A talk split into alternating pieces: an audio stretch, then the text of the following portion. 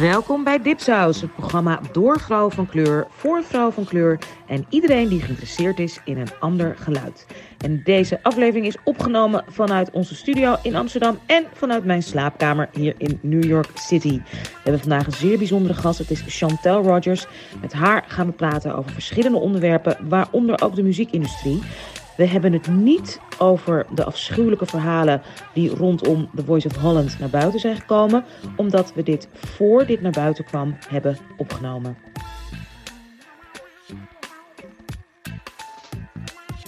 Onze gast vandaag is niemand minder dan een Damsko geboren Roffenaar. Haar naam is Chantal Rogers. Ze is socioloog, international boekhouder. Ze is directrice van Music Matters Rotterdam. Ze is manager van Rotterdamse rapper Winnen. En alsof dat niet genoeg is, heeft ze ook haar eigen non-profit opgezet in 2015. De stichting heet EXL Sickle Cell Awareness en de EXL staat voor I Excel.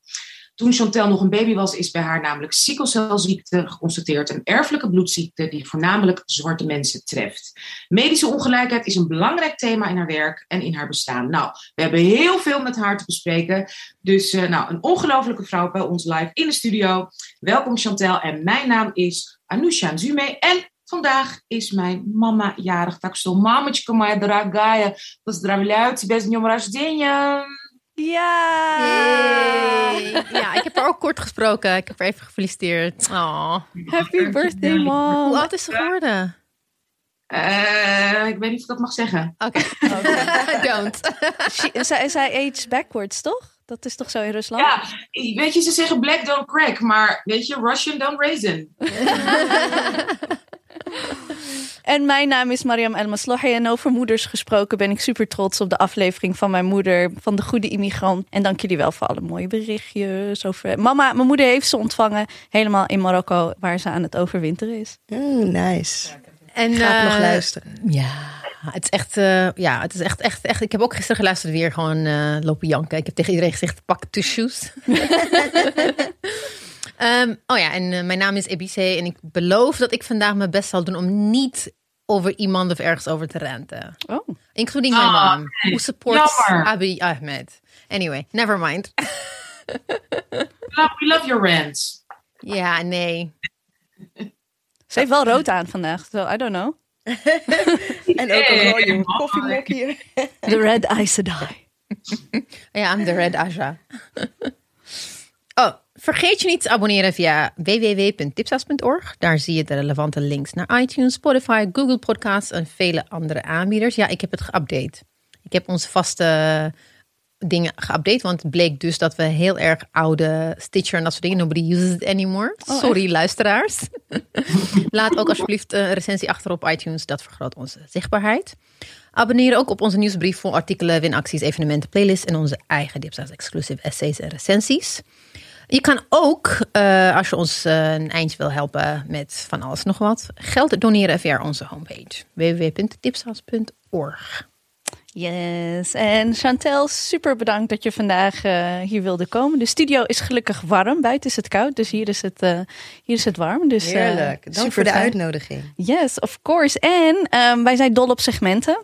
Uh, wij verzinnen segmenten voor, voor alles. We houden ons soms ook wel een beetje in. Uh, en onze eerste segment, yes, yes, yes, zijn de BBBBBBBB's. Onze bulk of bees. En de bees zijn een binge watch, een, een boek, een broadcast, een burn. Dat is voor BC's Rants voornamelijk. en hier, daar delen we eigenlijk wat we hebben gezien of wat we mooi vinden. En die delen wij met elkaar en met de luisteraars. Um, en je mag, je mag meedoen. Ja, uh, als je even erover wilt nadenken, of heb je nu al iets dat uh, een burning bee?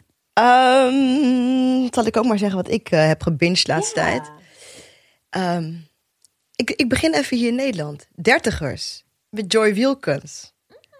Oh ja. Joy? Joy is een, ja, een, Joy Wilkins, een, zwarte actrice. Actrice, zangeres, performer, en, fantastisch. Dertigers ga, is gewoon een serie ik, ik stuitte erop, misschien door social media had ik me laten influencen door haar. um, het is gewoon een serie over dertigers en over alle. Het is een dramaserie over alle problemen die daar uh, hè, de mensen die uit elkaar gaan, mensen die iemand tegenkomen, mensen die eh, kinderen hebben en alle drama die daarbij komt kijken, zoals affaires en zo. Ehm, ik, vind dat, ik vind het leuk, vermakelijk, niet te lange afleveringen, hou ik heel erg van. is de webseries? Ehm, nee, het was, het, wa- het- ik heb het zelf online gekeken, ja, maar het was denk ik ook op tv, gewoon op NPO. Ehm, ik ben een en wat dertiger, ik waar- wil dit zien. ja, dertigers. Ehm, en waar ik ineens weer ingezogen ben doordat ik nu op iemand zijn Netflix of op iemand zijn Disney abonnement zit, is Grey's Anatomy. En ik, Oh, ik kijk al 20 jaar. oh, ik ben zo moe. Ik Oh, ben zo, ik- zo tired. Maar, maar ik zit dus nu in, dat, in het huidige seizoen, hè? Dat is seizoen 17. 18, sweetie. Oké, 18. Dat Ja. is echt heel erg. En, en, en How wat- are you? I'm good. ik ben er gewoon in één keer weer ergens, want ik was gestopt een paar jaar geleden. Maar het trok me toch. Ik keek, dit, ik keek Disney, want ik had het eigenlijk voor die... ehm, eh, ik zit op winst, dus een abonnement winnen. En hij, heeft de Feyenoord-serie ingesproken. Toen zei ik, ik wil even checken. Dus ik had een paar afleveringen van die Feyenoord-serie gekeken. En toen riep het me toch dat icoontje van, van Grace. Dus op een gegeven moment heb ik gewoon in één keer al die seizoenen weer gekeken. Ik ben weer bij. En wat ik... ehm, eh, Oh eh, my, oh my. Ja, ik ben benieuwd wat je van dit seizoen vindt. Dus wat ik... Oh, seizoen 17? Ja, 17 en 16. Wat Oh je- nee, ik vond 17 verschrikkelijk. nou ja, wat je een beetje... Ik weet, waarom vond je het verschrikkelijk? Ik hoef niet, ik leef al in COVID. Ja. I didn't need Nee, maar more wat ik- COVID drama Wat je nu heel erg ziet, er zijn een aantal mensen die nu meeschrijven, toch? Ja. Eh, ehm, ehm, Dr. Avery, hoe heet hij in het echt? Eh, Eh, weet ik niet meer. nou die, die die knappe. Ja, hij. Eh, nog een aantal zwarte mensen die schrijven nu mee Ja, aan die serie. ja. En dat zie je. Hè, dus thema's als eh, medische, medische ongelijkheid. Precies. Eh, al dat soort dingen komen nu heel erg voorbij. Komt ook even terug in seizoen 18. Ja, ja. Maar soms vind ik het wel een beetje te dikker bovenop liggen. Ik denk voor mensen die eh, wat verder van het activisme staan en wat verder van ongelijkheid en dat soort dingen, denk je, oh, zit dat zo met ziektes? Mm. Wauw, dus ik heb niet aan die ziekte gedacht bij die Asian persoon, omdat ik mijn witte bril op heb. Want zo gaat zo'n scène dan ook echt, Ja, hè? ja, Dan ja. van, oh, ik had mijn witte bril op. In 40 minuten. In 40 In minuten. 40 minuten wordt het je zo uitgelegd. Ja. En dan ligt het er wel een beetje dik bovenop. Maar I still, I still love it, man. Ik Wat kan niet vond je haten van, op eh, eh, Grace. wat vond je van en dat Shonda ze- Rhimes in dat, in ja, dat geval. tuurlijk. Ik ben loyal. Ik ben heel erg Ja, loyal. Dit is mijn langste relatie Het- Soms is het ook een beetje een toxic relatie, maar hè, we zijn samen. Wat vond je van... Kan je nog herinneren dat Dr. Hunt werd eh, beticht van eh, eh, eh, racism? Ja. En dat, en dat hij deed en zei, ja, maar ik heb de goede Ja. bedoelingen. En de goede bedoelingen. En ik heb daar wel een beetje van genoten, want ik haat Ja. Dr. Hunt. Ja, ja, ik haat hem ook. Ja, ja. It's the redhead, right? It's Ja, a ja, redhead, ja, ja. ja. okay, because I stopped by seven or eight. He's still there. Hij was daar toen wel Ja. al, ja. Ja, Ja. Heel Jesse mooi. Williams bedoelde ik trouwens net. Jesse Ja, Williams, ja, ja, inderdaad. En hij is nu ook weg om nog meer t- te gaan doen, laat maar zeggen. Ja, ja, nou. Nou, het komt dus eventjes. Ze, ze, hou- ze gaan dat dus vasthouden, waarin ze in, in, in 10 minuten opeens iets gaan unpacken. Dat eigenlijk super ingewikkeld is. En dan op een gegeven moment gaan Ja. ze zeggen van... eh, eh, nou, eigenlijk gaan we het zo doen. Want heel lang was Meredith Grey de persoon die, die haar carrière op het spel zette... voor eh, equality, Ja, ja, ja, bijna de license kwijt. Ehm, maar nu hebben ze daar, daar, daar was het een heel politiek ding. Ja, en ja. nu is het. ehm, maar ze zijn dus heel veel eh, kijkers kwijtgeraakt in seizoen 17. Ja, omdat ze gaan. vonden. Ja, jullie moeten niet tegen ons vertellen dat wij mondkapjes en hoe we moeten zijn met, Oh, eh, met. COVID en bla bla bla. Dus eh, ze zijn echt heel veel kijkers kwijtgeraakt. Want ze vonden dat Grey's Anatomy de heel. ehm, Preachy was. Heel, heel politiek, eh, zeg maar, het was niet politiek neutraal. En, en Shonda Rhimes zegt, zeg maar, het programma was nooit politiek neutraal. Nee. It was never, it was never that. Maar ik denk dat ik echt nog steeds kijk, omdat Dr. Bailey is the love of my life op tv.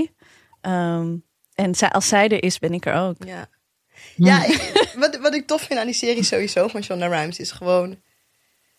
Dat zwarte mensen gewoon, eh, gewoon zijn. Ja, Ja, ja, het is niet... Eh, ja. ja klopt. Gewoon niet... eh, Maar hebben jullie meegekregen dat ehm, achter de schermen eh, was er toch wel... Weten jullie nog toen die Isaiah Washington ja, werd ja, ja, ja, ja. Ja, Die had ja. toen met die... eh, ja, ja. Dat ruzie- homofobisch? Ja. Ja. Nou, het, verhaal, het verhaal was dat hij dus een homofobische slur had geuit naar die andere acteur, dinges T.R. McKnight of zo. Ja. Mhm. En, maar wat blijkt nu, eh, want er is een boek uitgekomen over alles backstage. Mhm. En eh, Is de. Sorry? Ik zei, is voor ons. Dat boek, nee. Maar Ja, ja, ja. Het zijn echt met alle roddels en alles. Want hoe zat het nou? Of althans, volgens de auteur. Eh, die acteur die McDreamy speelt. Weet jullie nog? Die, die, hoe heet die Ja, nou? Die er, Patrick Of course we Dempsey. know. Patrick Dempsey, die is ook weer teruggekomen. Dat was echt een ontzettende, zeg maar, hè, gewoon lul onstage op, op, op de set. Heel verwend en heel vervelend. En Isaiah Washington, die werd dan tien keer zo hard aangepakt. Als hij dan, zeg maar, één minuut te laat of zo kwam, of hij was altijd op tijd, maar dan zat hij nog even net in zijn trailer te kletsen, terwijl McDreamy nog niet eens op de set was. Werd Isaiah Washington altijd tien keer harder aangepakt dan McDreamy. En McDreamy was heel, hè, die Matthew was heel vreselijk tegen hem. En op een gegeven moment hadden zij ruzie met elkaar, omdat hij was weer te laat. En Isaiah had zoiets van, joh, dit, dit is gewoon niet oké, hier moet je mee kappen.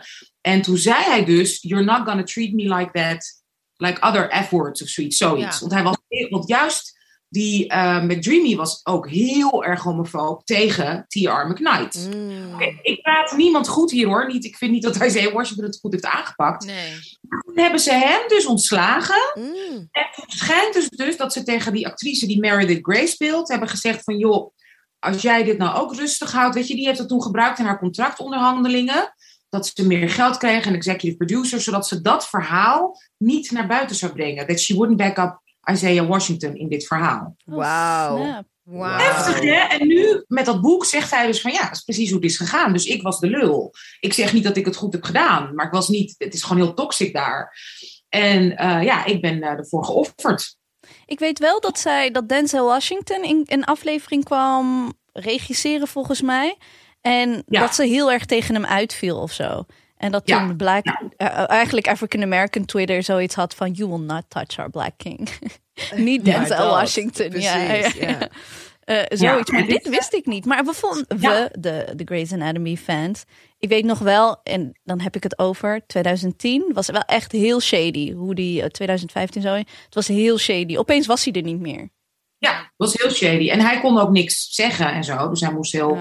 Ja. Weet je, terwijl hij werd. ik bedoel, Ik, kijk, wat hij zei is natuurlijk compleet hartstikke fout en afschuwelijk. Maar het werd helemaal gedaan alsof hij toxic was en hij was dit en hij was dat. En dat Mm. lag dus eh, complexer. Dus ik vind het wel heel erg interessant. Maar dat boek, ja, je moet, je moet je maar even checken. Ik neem aan dat je Checken, man. Ja, man. Nee, maar het, het zegt ook wel iets dat Shonda, Shonda het heeft toegelaten. Ja, dus ik weet dus niet precies of zij, ik weet ook niet of zij is geïnterviewd voor het boek en hoe dat nou zit, hoe dat is toegelaten.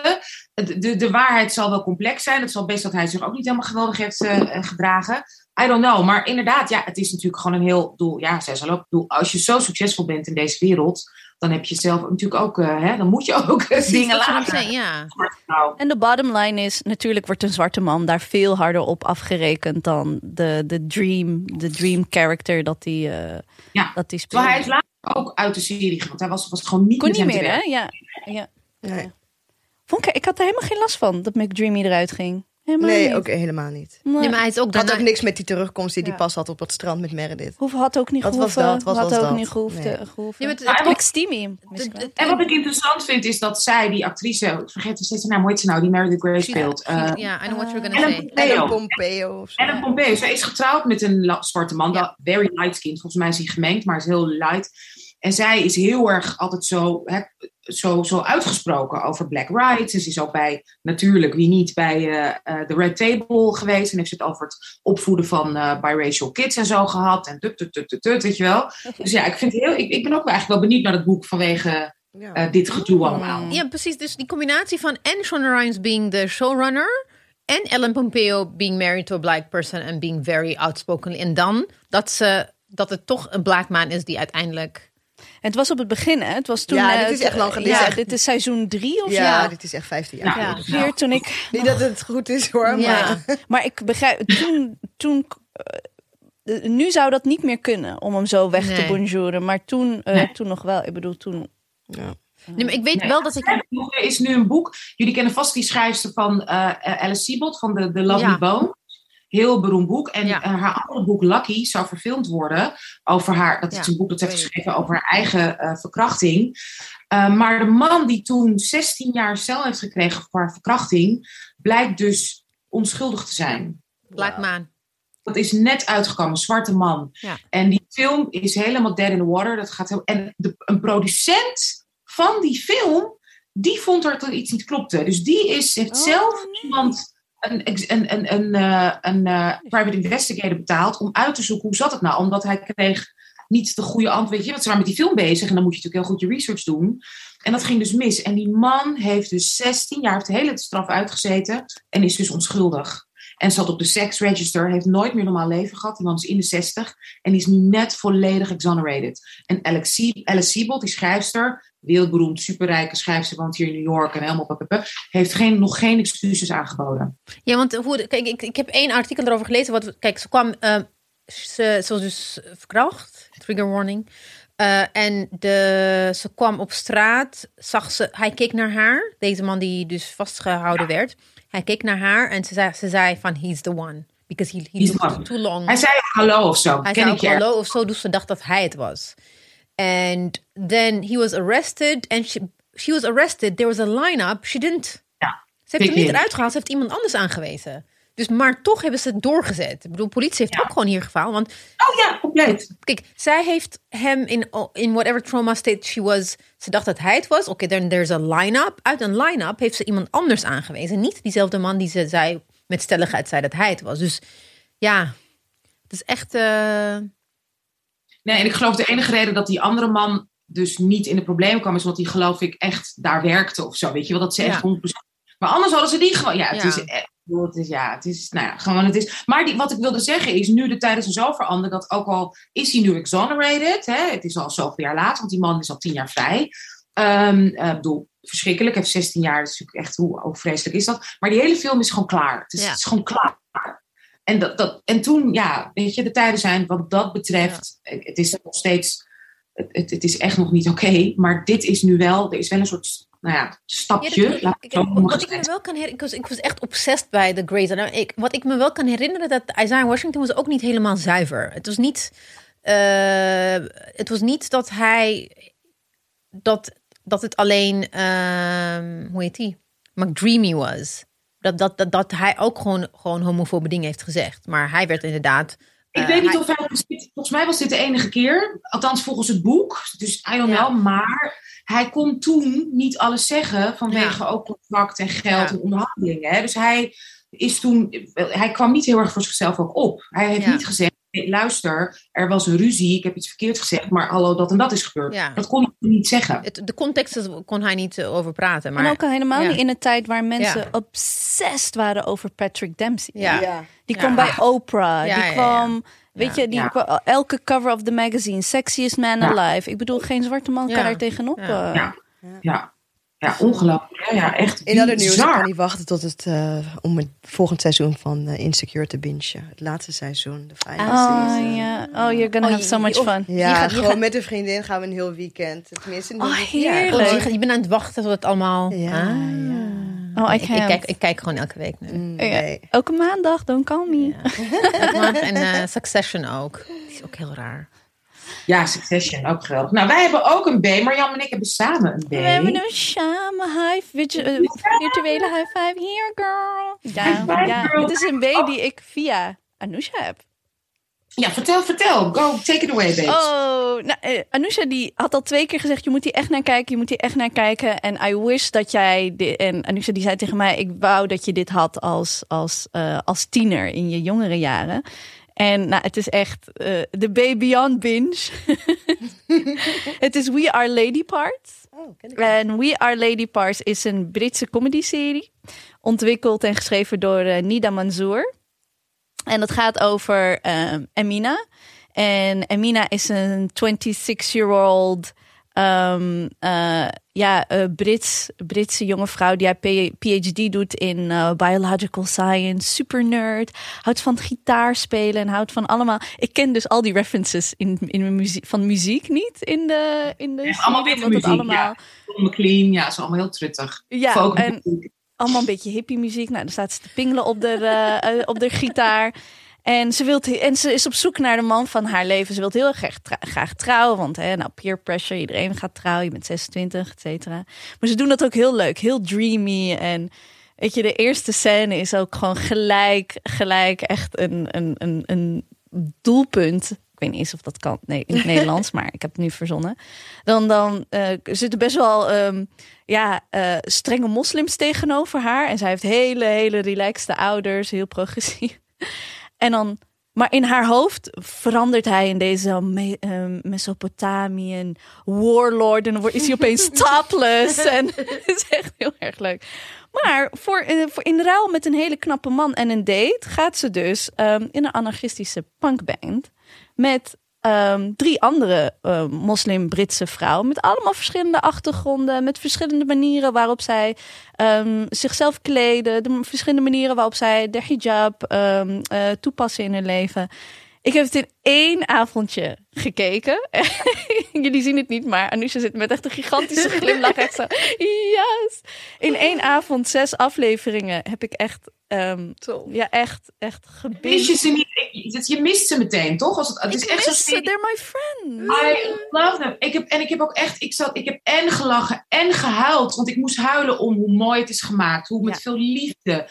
En met, weet je, met productiewaarde. En prachtig. Maar ook inderdaad van het gemis van Jezus. Hier zijn wij allemaal niet mee opgegroeid. Dit kenden wij allemaal niet als kind. En ik moest denken aan alle meisjes. Nou, het was, het, ik, ik was echt een rollercoaster of emotion. Dat mijn dochter, mijn jongste ook dit. Mam, are you okay?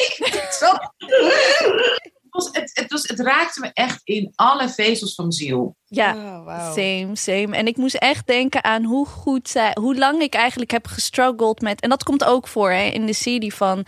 Eh, hè, van er wordt je steeds verteld hoe je zou moeten zijn, maar wie je wilt zijn en hoe je daar een balans in probeert te vinden in je identiteit als moslima en als vrouw. En zoveel gelaagdheid. En ook bij de laatste aflevering, wanneer zij, ehm, eh, eh, weet je, wanneer de media, eh, dat was wel echt dat ik echt getriggerd was tot op echt tot diep in mijn ziel toen, ehm, toen het een beetje misging met media en Ja. het verkeer, de- dat je verhaal uit handen geeft en wat de media daarmee kan, mee kan doen. Ja, en dat hebben wij, weet je, als, als, als dipsausvrouw, maar ook vrouwen in de media weet je gewoon hoe machteloos je bent en hoe veel het kan kapotmaken als je verhaal niet goed wordt opgeschreven, als je verhaal niet bij mensen is of wordt verteld bij mensen die je niet eh, vertrouwt. Het is eh, ja en en de liedjes, ja. De liedjes, oh, ja. En zo, ja, toch? Lees even een paar, ik had een paar teksten. Eentje is ehm, eh, Broken by the Empire, Raised by MTV. En ik denk zo, ja, ja, Raised by MTV. En ik moet de hele tijd denken aan hoe, la- hoe vaak ik eh, MTV Cribs heb gekeken, MTV Punked, echt Raised by MTV.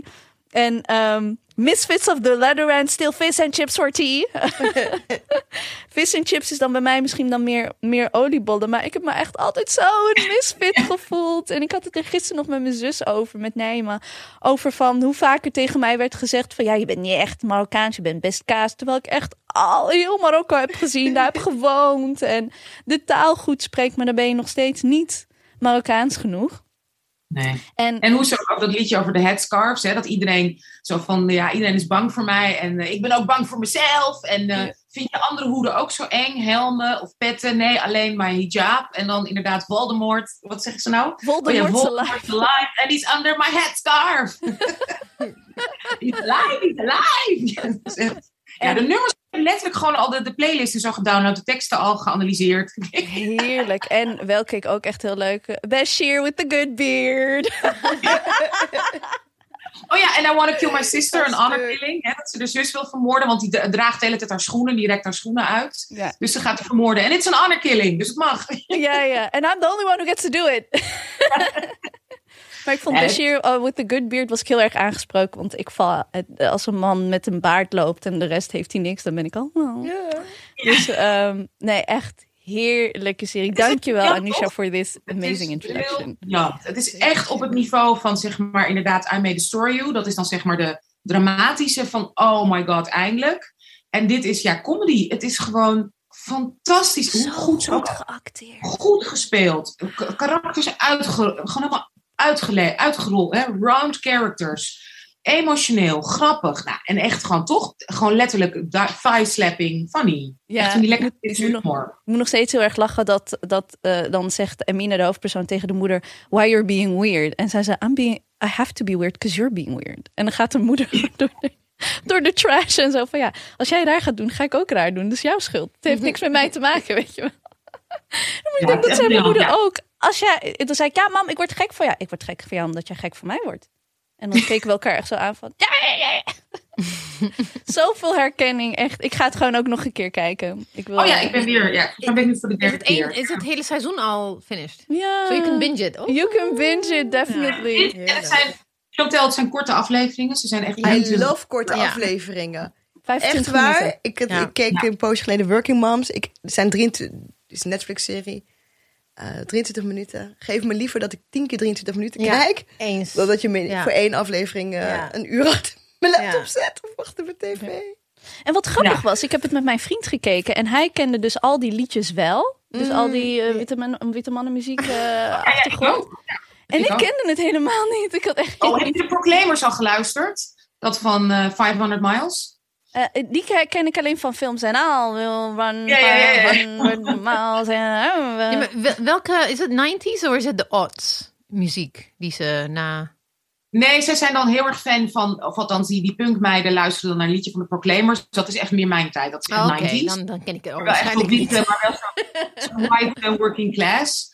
En eh, zij, dat, dat gitaarliedje wat in het begin speelt, wat prachtig is gefilmd. Als je ziet dat ze echt getalenteerde gitaarspeelster is, doet ze alleen in de slaapkamer. Hebben ze zo heel mooi gedraaid. Ze doet dan de kledingkast open en daar hangen al haar posters. Ja. En daarvoor heeft ze ook de gitaar. En dan gaat ze zo voor die kledingkast. En dat heb ik meteen een foto gestuurd naar Marjan. Toen was ik echt helemaal om. Hebben ze die kledingkast, die wordt dan een soort podium. Die wordt helemaal zo Ja. uit. En lampjes erin. En dan speelt ze een liedje eigenlijk uit een film.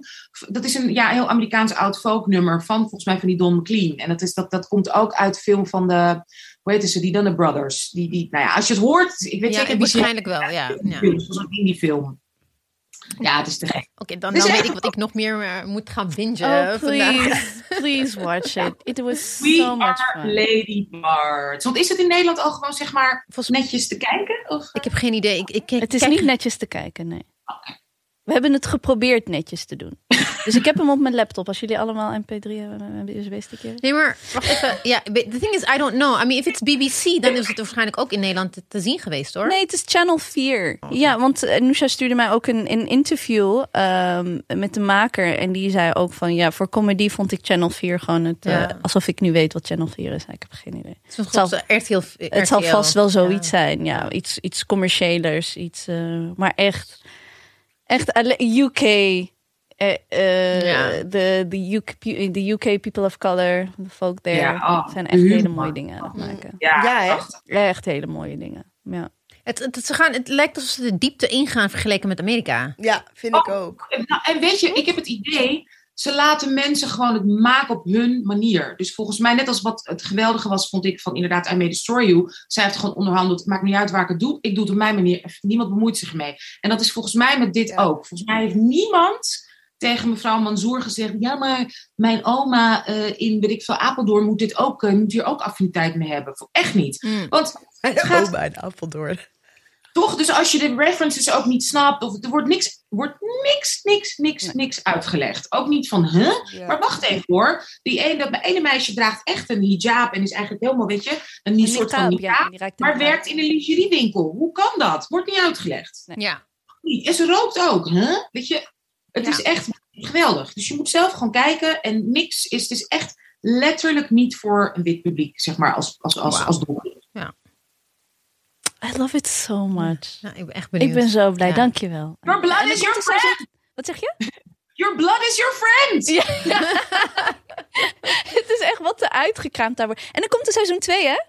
Ja, oh, dus, oh, wat goed. Dat is wel goed. Dat betekent dat het gewoon goed gekeken is, bekeken is. Ja, ja, ja, ja, ja. ja. Ik ben nou, zo okay. gelukkig. Alright, oh, nice. Dus geen burns. Oké, okay. ik heb nog een burn, maar niet voor vandaag. Nee, echt niet? Nee, het is okay. geen burn. Het is gewoon een, uh, ik, weet niet. Uh, misschien kan het de volgende keer over hebben. Want ik heb, ik heb daar ook op gisteren die Lieve Cruise gezien op VPRO. En hoe was dat? It was good. It was really good. Het was heel mooi, heartbreaking. Maar again, light skin versus it's like a light skin black woman. Terwijl je een hele, je hebt within, within echt cruise haar, heb je ook gradaties van ja. good cruise haar en niet. Ja, ja. Dus, en dat wordt helemaal onderbelicht. En toen dacht ik van, ja. je laat een hele, een hele oh, uh. Gem, gemeenschap die er veel, heel veel last van heeft, laat je gewoon volledig uh, niet aan het woord. Dat vond ik jammer. Maar wel, ik ben wel blij dat dit soort dingen gewoon gemaakt worden. Dat het gewoon niet alleen maar e- eentje is ooit gemaakt. Bibi, heeft, Bibi Fatlala heeft eh, dat haar gemaakt, een jaar of vier, vijf geleden. En daarna had je niet meer iets. Langer, tien jaar. zo. Ja, daarna had je nooit meer iets. Maar dus het, het, het feit dat het wel vaker gemaakt wordt, vind ik wel oké. maar dan merk ik weer wel, dat was ook mijn enige kritiek, was like, oké, wie, oké, now that we have this diversity going on, hoe, wie heeft toegang en wie niet? Ja. En en wij, as people of color, as black community, are we also aware of Durven we dat te zeggen tegen durven, elkaar? durven we dat tegen elkaar te zeggen van oké, wie, wie krijgt toegang en wie niet? Dat we ook we are aware of our position. I'm very much aware of my position as a light-skinned person met best wel goed borst haar, weet je wel. Ik weet het wel, dus ik zou niet, ik zou daar voorzichtiger mee zijn. Dus dat vond ik wel het enige jammere. Ja, ja, ja, ik kan me voorstellen. We nog zien. Ja, Ja, ja, maar goed, we komen, gemaakt. van een, eh, we komen van een land waar ze, wat zou het zijn, vijf jaar geleden in een NRC eh, hadden over krullen en slag en dat en hoe zwaar die mensen het hadden. Hè? Ik, ik was, eh, kan je dat nog herinneren? Dat ik echt dacht, dit waren vrouwen met echt glad en dan een, van die mooie pijpenkrullen. En dan een oh, of was het Volkskrant? Het was Oh ja, dat was Volkskrant. Volkskrant. Ik weet al wie Het was, het was Volkskrant. Je, En je- ik ga- en je weet wel wie. En ik weet wel wie. Ik reken helemaal mijn Marokkaanse gemeenschap daarop aan. We are very They problematic. were so oppressed with their lovely curls. Met so oppressed. Zo zielig. Echt. Dat ik, eh, eh, dus we komen van ver, hè? Ja, klopt. We komen van ver. Nou, Chantel, Chantel Rogers, zo fijn dat je hier bent. Eh, we gaan het uiteraard eh, hebben over jouw carrière, zowel medische als muzikale carrière. Maar zoals we altijd iedereen die bij ons aan tafel eh, zit vragen, krijg je ook dezelfde vraag. Wie ben je? Wat doe je? En waar woont je huis? Oké. Ehm, nou, Chantal Rogers, eh 42 jaar alweer. Really? Ja. Really? Ja. ja. Ehm, Surinaams. Ehm, nou, jullie zeiden het al bij mijn introductie. Geboren hier in het OLVG. Eerste twee jaar in de Belmer gewoond. Daarna in Rotterdam opgegroeid. Ehm, En waar in Rotterdam? Oost voornamelijk. Alexander Prinsenland Oost. Eh, de lange leerroute, zoals twee derde van de meiden van kleur ongeveer. Dat wil zeggen MAVO, MBO, HBO, universiteit. Girl Eh, same. Ja, Girl same. dat, dat. En, en ook heel veel moeite moeten doen om op die MAVO überhaupt terecht te komen. Dat je niet... ik, was, ik was zelfs nog eh, LBO had ik nog als advies, maar toen ging mijn moeder heel erg veel eh praten Jemig. met docenten. Unbelievable, hè? Ja, ja. Ehm, wat doe ik? Ik eh, ben directeur van Music Matters. Dat is een talentontwikkelaar eh, op gebied van muziek. Dus wij ontwikkelen programma's dat kinderen kennis maken met muziek en dat ze dat zo lang mogelijk blijven doen. Richting het kunstvakonderwijs, conservatorium, MBO. Maar ook als ze autodidact zijn, dat we dat ondersteunen met programma's over zakelijk. Zakelijk kant van muziek, over publishing, over hun artistieke vaardigheden eh, eh, vergroten. Daarnaast ben ik manager van Winnen, Rotterdamse hip-hop artiest. En heb ik een uh, sikkelcelorganisatie die ik run met Esmael Fassi, ook documentairemaker. En ehm, ja, dat een beetje. Ook, ik moest nog wat zeggen, toch? Wie, wie- wie- Waar woont je huis? Heb je al ja, gezegd. in Rotterdam nog Ja. steeds. Ja. En voel je ook Rotterdam? Ik, ik merk vaak, ik heb altijd het idee hoor, dat is gewoon eh, mijn eh, interpretatie, dat Surinamers, zeg maar, hè, de Surinaamse gemeenschap in Amsterdam, voelt zich minder Amsterdammer. Die voelt zich misschien meer Am- Bijlmer of Zuidoost. En volgens mij, ik heb dat idee dat, dat mensen van kleur in Rotterdam zich wel Rotterdammer Ja. voelen. Ja. Zo, dat is... Maar die stad is een hele vibe, toch? Het is, ik bedoel, is echt allemaal een accent. Absoluut. Ik ken, ik ken nauwelijks Amsterdammers met een plat Amsterdams accent. En ik ken onwijs veel Rotterdammers van kleur met een super Rotterdams Ja, accent. Ja, ja, ja, ja.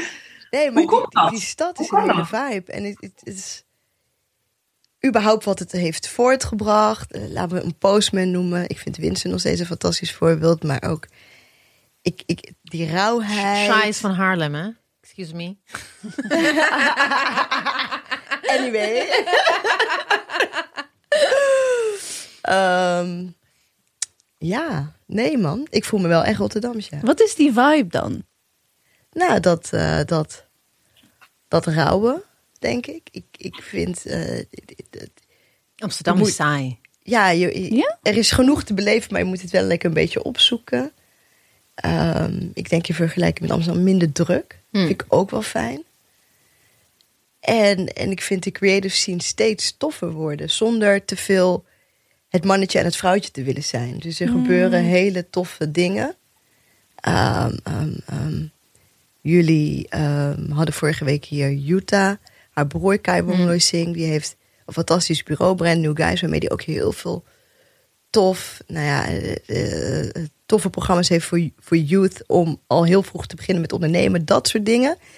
Ja, ik weet niet. Ik, ehm, ja, ik vind, ik vind Rotterdam gewoon echt... eh, Ik heb één legendarische nacht ge- gehad in Rotterdam. En dat is volgens mij bij Alexander in de buurt. Club Blue. Staat oh, dat ja, nog? Staat ja. dat nog? Nee, dat bestaat niet meer. Maar dat was wel... eh, Het was one hell of a night. Hè? Eh, eh, en toen was ik daar, zou dat naar Sinuja. Daar waren we naar eh, de PNL rapgroep. Want Mm. PNL is een eh Parisien Algerijns ja, rapgroep. En die zou echt nooit naar Amsterdam. Ze, die zouden nooit in Amsterdam geboekt worden, of wat dan ook. Maar wel in, in Club Blue. Waarin er zeg maar 80% man was. En dan zaten wij daar van, yeah. Nee, ik denk dat er wat er mis is gegaan. Wat Amsterdam vroeger in de jaren negentig, die vibe. Van, toen, voordat het nog echt helemaal. Before it was like gentrified like hell. Die vibe van dat je. Je had, je had echt van die rough edges van Amsterdam. Die, die is er gewoon niet meer. Zelfs in de Bijlmer wordt gewoon gentrified. Het keihard aan het gentrifying in, in, in, in Bijlmer. En dat, dat heb je nog steeds gewoon. I'm not saying that dat, dat, dat eh, raw of, of, of eh, niet gentrified, tenminste de, de meetlat moet zijn van of, een stad cool is of niet. Maar hier, omdat er gewoon heel veel geld hierheen komt. En ook denk dat hele I Am Amsterdam eh, campagne van Eberhard van der Laan om zoveel mogelijk geld naar Amsterdam te krijgen, heeft ervoor gezorgd dat alles wat if you don't have money, you can't do anything interesting. En the people who have money, het is allemaal van die, het is gewoon allemaal, it's the same. Het is net zoals als je in de binnenstad heb je heel veel Nutella winkels, heb je ook de, de, de creatives, de leuke bars, alles lijkt op elkaar. Dus of je nou in Noord bent of in Zuid of Oost of West, it's the same shit everywhere. Amsterdam is gewoon heel saai. Ja, maar Amsterdam was ook altijd al hipster. Ja, Wij Altijd hadden niet echt. iets als Tip de Bruin of zo. Zoiets. Het ik Ja. zo, waar je dan die Ja. broeken en dat kon je... Ik weet niet, man. Ik kom uit Den Haag. Oh nee, ik ja, heb, type, ik heb type bruin is weer bougie, toch? Ik heb het Ja, nooit maar ik hoorde, allemaal, ik hoorde Ik mensen dan ja. bijvoorbeeld dan... En dat was echt wel Ja, 20 en jaar ja, geleden. Ja, toen ik echt en vijf... Shubaloo en dat soort dingen. Ja, We a high street. Ja, Ja, En Den en Haag heeft altijd het ook heel altijd. erg heel erg Amsterdam heeft altijd heel erg ingespeeld. Natuurlijk een soort van internationaal toerismus. Weet Ja. je wel? Ja. Beetje middle of the road. En Rotterdam, ik denk daar wonen mensen gewoon zelf. En daar maken ze zelf. En Maar. Rotterdam is ook wel heel ernstig aan het gentrifyen. Zeker in West. Weet je, dit- dat, daar eh, hou ik wel mijn hart voor vast. En je, ik zie nog niet echt dat dat verhaal verteld wordt. Hè? Dus waar je Hmm. hier best wel worden al boeken over geschreven, wordt best wel veel wordt er. Hmm. Zeker eh, in, in Noord, maar ik denk ook in andere gebieden zie je wel eh, dat mensen weer hun gebied claimen. Ik zie die movements nog niet heel erg in Rotterdam. Ja, en ik denk, de ding is also, eh, ja, omdat Amsterdam natuurlijk de hoofdstad is en ook heel veel, ze zijn de nationale culturele centra zitten ook gewoon in Amsterdam. Like Ja. de Stopera eh, en dat soort dingen, waar, waar grote, de Nationaal Ballet, Ja. they're officially there for, for the entire country, of concertgebouw ook, Ja. maar all of like the big things worden in, in Amsterdam gedaan. Ja. Dus er zit gewoon heel veel geld hier. Ja, dat is ook zo. Want je ziet nu ook, bij ons was, eh, had iemand een, eh, in de gemeenteraad had een verzoek gedaan voor iets. Hè. We hebben in Rotterdam ook een, een onderzoek gedaan over het slavernijverleden van Rotterdam. Mm. Nou, we willen ook een plek. En dan wordt er gezegd, ja, maar er komt al een Nationaal Slavernijmuseum in Precies. Amsterdam. Ja. En ja, weet je, onze eigen Ja. geschiedenis. Het hoeft niet, het hoeft niet geweldig groot, het Nee. hoeft niet een heel museum. Maar je kunt wel, het kan een plek zijn om dat te beleven. Maar we, Ja. we zijn daarin heel terughoudend ook. En Ja. altijd kijken naar die grote broer Ja, Amsterdam. ja. Ja, ik heb Rotterdam echt wel leren kennen omdat ik in Den Haag ging, ging wonen. Ehm, en dan is Rotterdam gewoon net iets, net iets dichterbij. En Ja. ook hele goede vegetarische vegan options ook in, eh, in Rotterdam. Ja, ik hou van Rotterdam. Ja, Ik ben echt. shout-out naar Rotterdam. Especially like uh, Rotenhouse. Nee, niet Rotenhouse. Night. Night, night, night, Nighttown. Nighttown. Ja. I mean, how many, how many weekends heb ik niet in? Ja. Weekends ook echt. Ja, nee, en dan ga je naar huis met, met de nacht, nachttrein naar. uh, remember, weet je nog toen en Amsterdam Centraal en Rotterdam Centraal gewoon eng was? Dat that was like, that was me. We gingen gewoon s'nachts daar rondhangen. Terwijl, terwijl het best wel gewoon, nu is het gewoon, I mean, like, Ik vond Club Blue al uh, ruig, allemaal mannen met ballonnetjes. Back in the days, Amsterdam Centraal en Perron 0. Perron 0 daarachter. Oh, vreselijk, ja. Ja, ik Rotterdam. ehm, Rotterdam, daar ben je ook opgegroeid, hè? Ehm, eh, maar wat, wat ook een deel is geweest van, van, vanaf een jonge leeftijd bij jou, dus van een deel van jouw opgroeien, een belangrijk deel van je opgroeien, ehm, is sikkelcel. Ja. Kan jij uitleggen eh, aan de luisteraars ehm, wat sikkelcel precies is en waarom treft het voornamelijk eh, zwarte mensen? Ja. Ja, de sikkelcelziekte is een aandoening aan de rode bloedcellen. Eh, de rode bloedcel is verantwoordelijk voor het zuurstoftransport. En bij mensen met sikkelcelziekte eh, kan hij de vorm krijgen, de rode bloedcel, van een sikkel. Een sikkel is zo'n soort maantje. En doordat hij die vorm krijgt, blijft hij klonteren in het bloed. En zorgt dat voor in de eerste instantie voor heel veel pijn.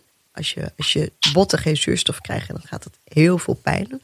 Alsof je echt met een hamer wordt geslagen. En uh, daarnaast zorgt het over de jaren heen voor orgaanschade. Omdat eigenlijk je, je lichaam altijd heel hard aan het werken is. En die rode bloedcellen niet voldoende, uh, die leven korter. Dus je hebt ook een bloedarmoede. En dat tast ook andere organen aan. Het is een erfelijke bloedziekte. Dat wil zeggen dat je hem van je vader en je moeder krijgt. Uh, en, en waarom en, die alleen bij zwarte, of niet alleen... waarom die voornamelijk bij mensen van kleur voorkomt, heeft te maken met het ontstaan van sikkelcelziekte. Dus sikkelcelziekte is ontstaan in malariagebieden. Als antwoord waarschijnlijk op het malaria. Dus uh, mm. malaria, dat heeft, het hield heel veel, ja, heel veel huizen. Dus dat, dat zorgde voor heel veel levens. Men, of, of, of mensen verloren hun levens aan malaria. Het lichaam gaat dan op zoek naar een oplossing. Nou, en wat je ziet bij mensen die dragers zijn van sikkelcelziektes, die het gen hebben, die zijn malaria-resistent. Nou, die dragers die kwamen elkaar weer tegen, werden verliefd, kregen kinderen en die kinderen hadden sikkelcelziekte. Dus basically is dat een stukje ja, evolutie, zou je het kunnen noemen. Mm -hmm. Wat dus wel weer een heel nieuw ziektebeeld heeft gecreëerd. Um, en dus uh, zie je dus inderdaad dat het voornamelijk uh, mensen van kleur treft of mensen wiens voorouders uh, in gebieden waren. Ja, en als je het hebt over levensverwachting, want inderdaad, ik, ik, ik, ik, hè, mensen weten, hè, quote unquote, van oh ja, pijn. Uh, maar ik wist, ik wist dat het effect heeft op, de, op je organen. En, en wat bedoel je met minder, wat, wat was de gemiddelde leeftijdsverwachting dan? Toen bedoel je, of nu? Nou ja, toen. Dus wat kregen jouw ouders bijvoorbeeld te horen en hoe is dat nu veranderd? Uh, nou, mijn ouders hebben, het is bij een hele hoop andere ouders wel zo, maar mijn ouders hebben niks ten aanzien van mijn leeftijd, van mijn levensverwachting uh, gehoord. Maar um, je zou kunnen zeggen, nou, in, in, in, bepaalde delen van Afrika worden kinderen vaak niet ouder dan vijf jaar. Wow. Hier in, uh, in Nederland en in, dat geldt ook bijvoorbeeld in, in Engeland. in grote delen van Amerika kan je makkelijk een normaal, normale levensverwachting hebben. Dus 70, 80, 90. Um, uh, maar dat hangt heel erg af. En dus privilege speelt daar gewoon een hele mm. grote rol mee waar je bent. In Nederland in principe. We hebben zes expertisecentra in het land. Nou, het Erasmus is daar één van, het AMC en zo heb je er nog een aantal. Nou, daar kom je eigenlijk vanaf baby af aan. En je krijgt uh, twee keer per jaar controle. Ze kijken ook naar al je vitale organen uh, om de twee jaar. En het moment dat daar iets niet goed gaat, dan kan je daarop anticiperen door medicatie of door hè, wat, wat er op dat moment nodig is. En dat maakt dat die levensverwachting de afgelopen tien jaar sterk is verbeterd. Maar het is nog steeds een ziekte dat als je het vergelijkt met witte ziekten of uh, uh, ziekten die meer voorkomen bij witte mensen, dan kun je zeggen dat er heel weinig ontwikkeling is geweest Mm. in behandelmethoden. En hoe Kun je dat dat? concreter maken? Ja, als je, ik, ik heb ooit een uh, vergelijking uh, gehoord.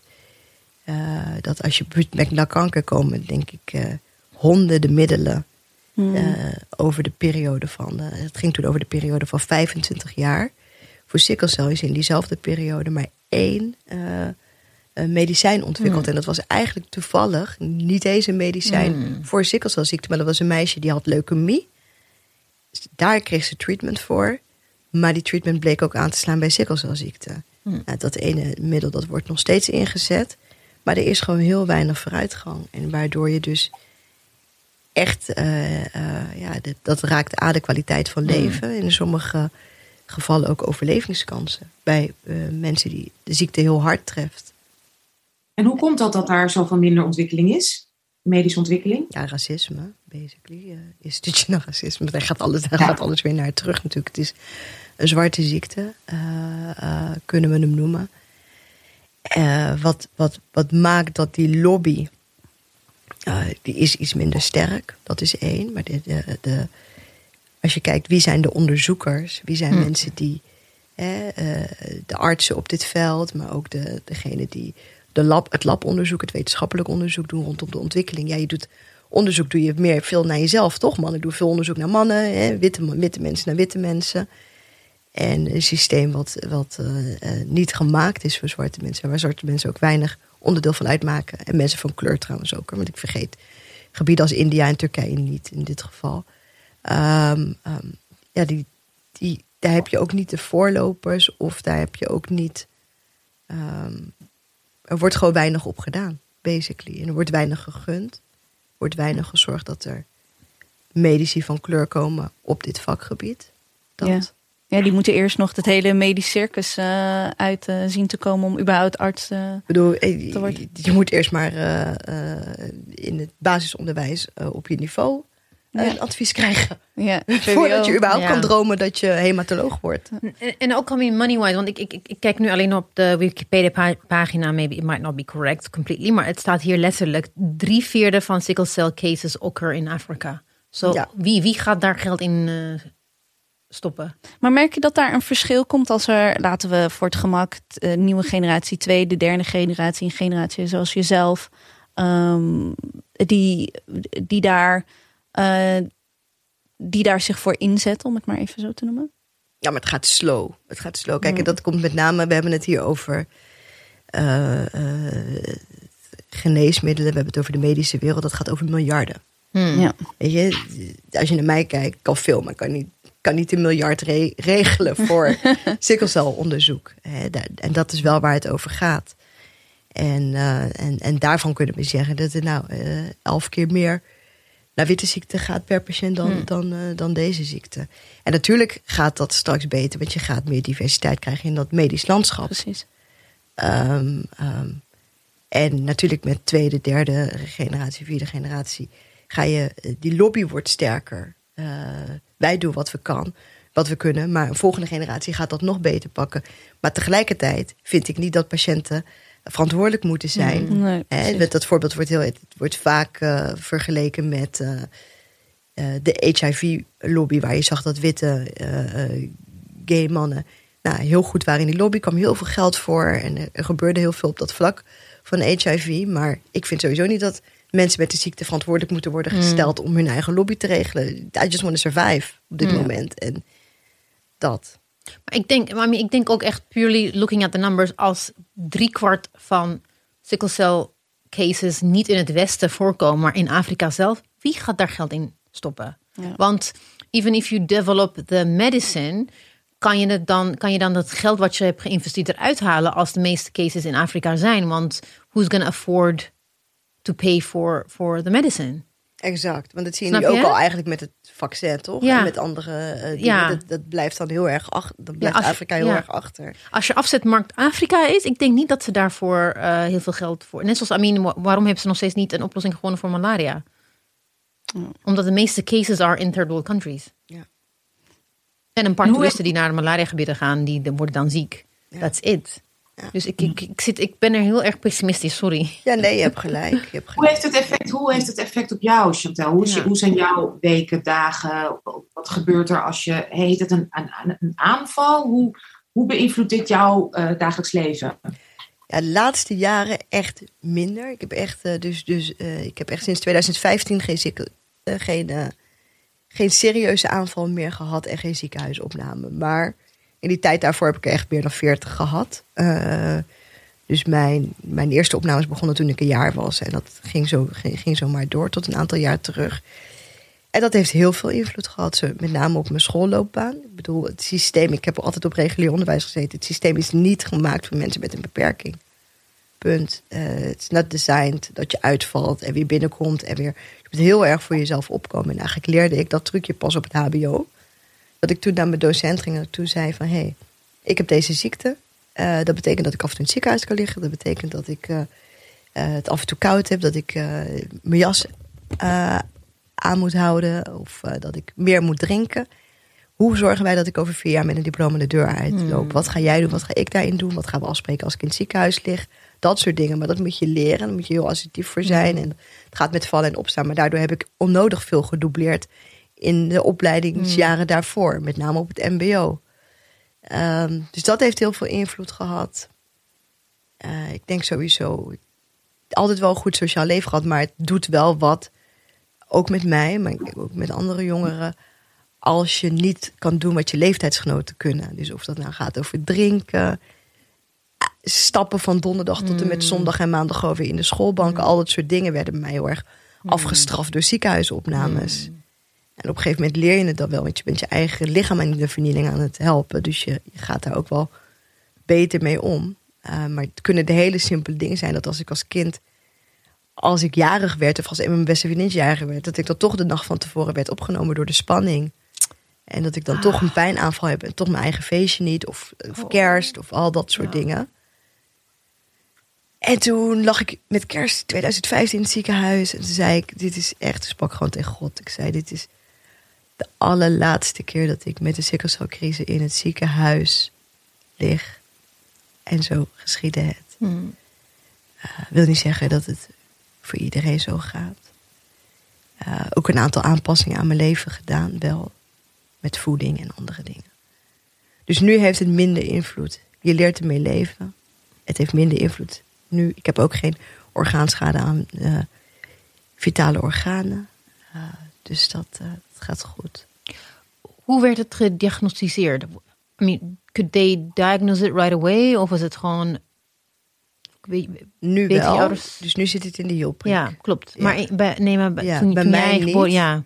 Nee, dus ik hield op een gegeven moment... ik was nog geen jaar en ik hield geen eten binnen. Mm. En ik huilde alleen maar. Um, toen is me naar het ziekenhuis gebracht konden ze niks vinden. Toen mijn ouders weer terug waren, want toen had je geen mobiel. Hmm. Toen hebben ze gebeld. Ja, ze heeft, uh, ze heeft waarschijnlijk een bloedziekte. Uh, jullie moeten terugkomen. Hmm. En, toen, uh, en vanaf toen begon het. Dus het is vrij, Ja. vrij jong ben ik gedeeld. Ja. Maar dat kwam ook omdat ik in de Belmer woonde. Ja. En, uh, Oh, Ja, dat de- ze dat ja. vaak hadden gezien. Ja, want Ja. de reden waarom ik het vroeg is toen ik eh, zwanger was van mijn tweede kind, eh, Sonali, eh, er was iets met mijn bloed. Ze konden niet, they didn't know what was going on, want ik viel af of ik had te weinig iets in mijn bloed. En one of the first thing they say is like, we gaan, we gaan je ook gewoon, het was gewoon ook OLVG, zij is daar geboren. Ze zeiden ook van, eh, we gaan ook checken voor sikkelcel. Maar ik zei van, maar ik kom niet uit West-Afrika. But because you, it's mostly, it's also like region gebonden. Want Mona, een vriendin van mij, die is, eh, ze komt uit eh, Ghana. Ghana en ze is arts. Ze zei van ja, dat, moet ze, dat, dat is het niet, weet je wel. They're wasting their time, zei ze. Maar het was, toen was het gewoon zo van een standaard iets. Dus ik vroeg me, en dat is niet zo lang geleden. Maar volgens mij, wauw. Dat- Dus ze hebben het wel ergens wel goed gedaan. I'm surprised. ja, nee. surprised. Zeker, zeker. Ik bedoel, zijn heel, sikkelcel is een hemoglobiepathie. Dat wil zeggen Ja. een ziekte van de rode bloedcel. Ja. Er zijn er nog meer van. Ja, Hè? Dus, ja. dus, dus dat is heel goed eh, Ja. dat, ze, dat ze toch Ja. dat hebben gekeken bij je. Ja. En hoe, waren, en hoe was je ervaringen in de, in de ziekenhuizen met artsen? Dat dan voornamelijk. Ja. eh, eh, ik weet niet, ik ga ervan uit nu voornamelijk wit. Ja, er is één arts van kleur, shout-out dokter Noor, zit in AMC. Zou dat doen? Wij vragen hem voor alles voor de stichting. Wil je dan panel? Wil je dit met ons doen? Zoom-sessie? Noor, licht, dokter licht. Ja.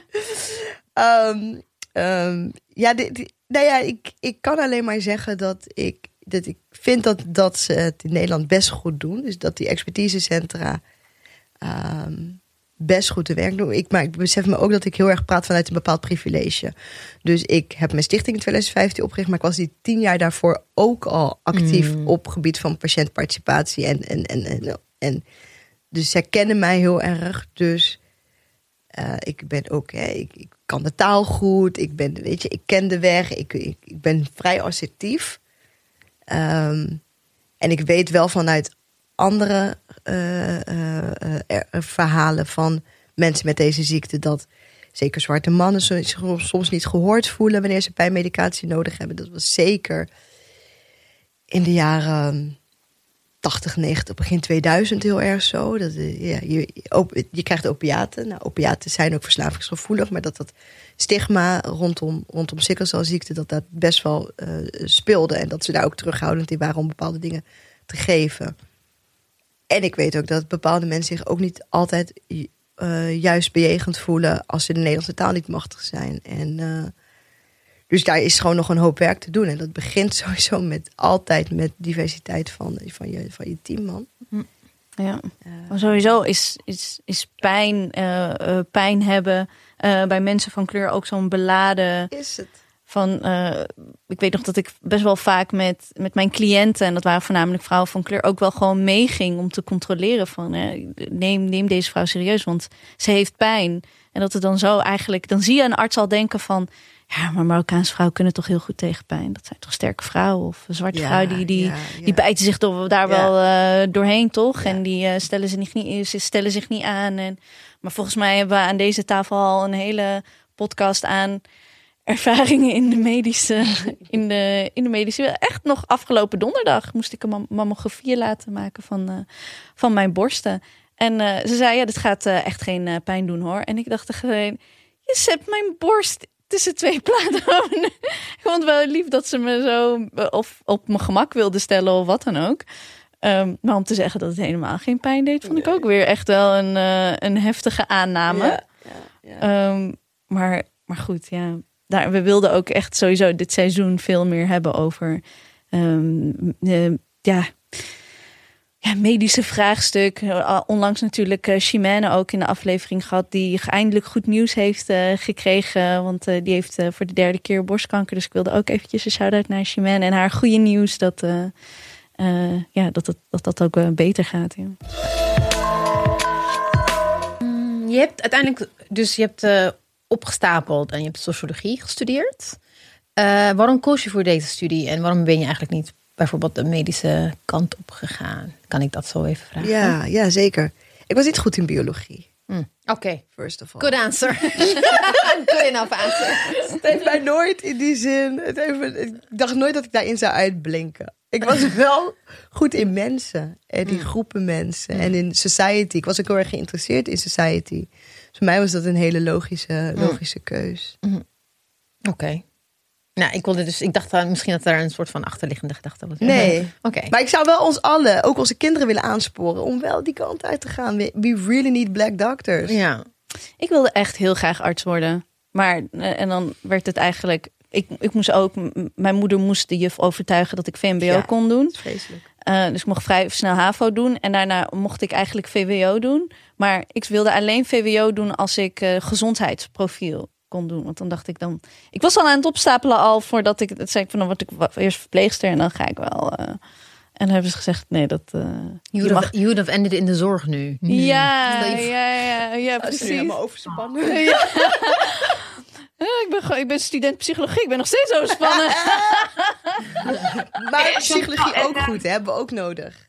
En qua stichting, hè, want we, we- ik neem aan dat jij, ken je deze ontwikkeling, eh de ken je de CRISPR-technologie, die wordt nu in Amerika heel veel toegepast. Eh, hè, dat is een nieuwe technologie. Eh, ja, kan jij het, jij kan het vast beter uitleggen dan ik, CRISPR, voor ja, ouders. Of, met, met CRISPR luisteren. eh, knippen ze basically in DNA.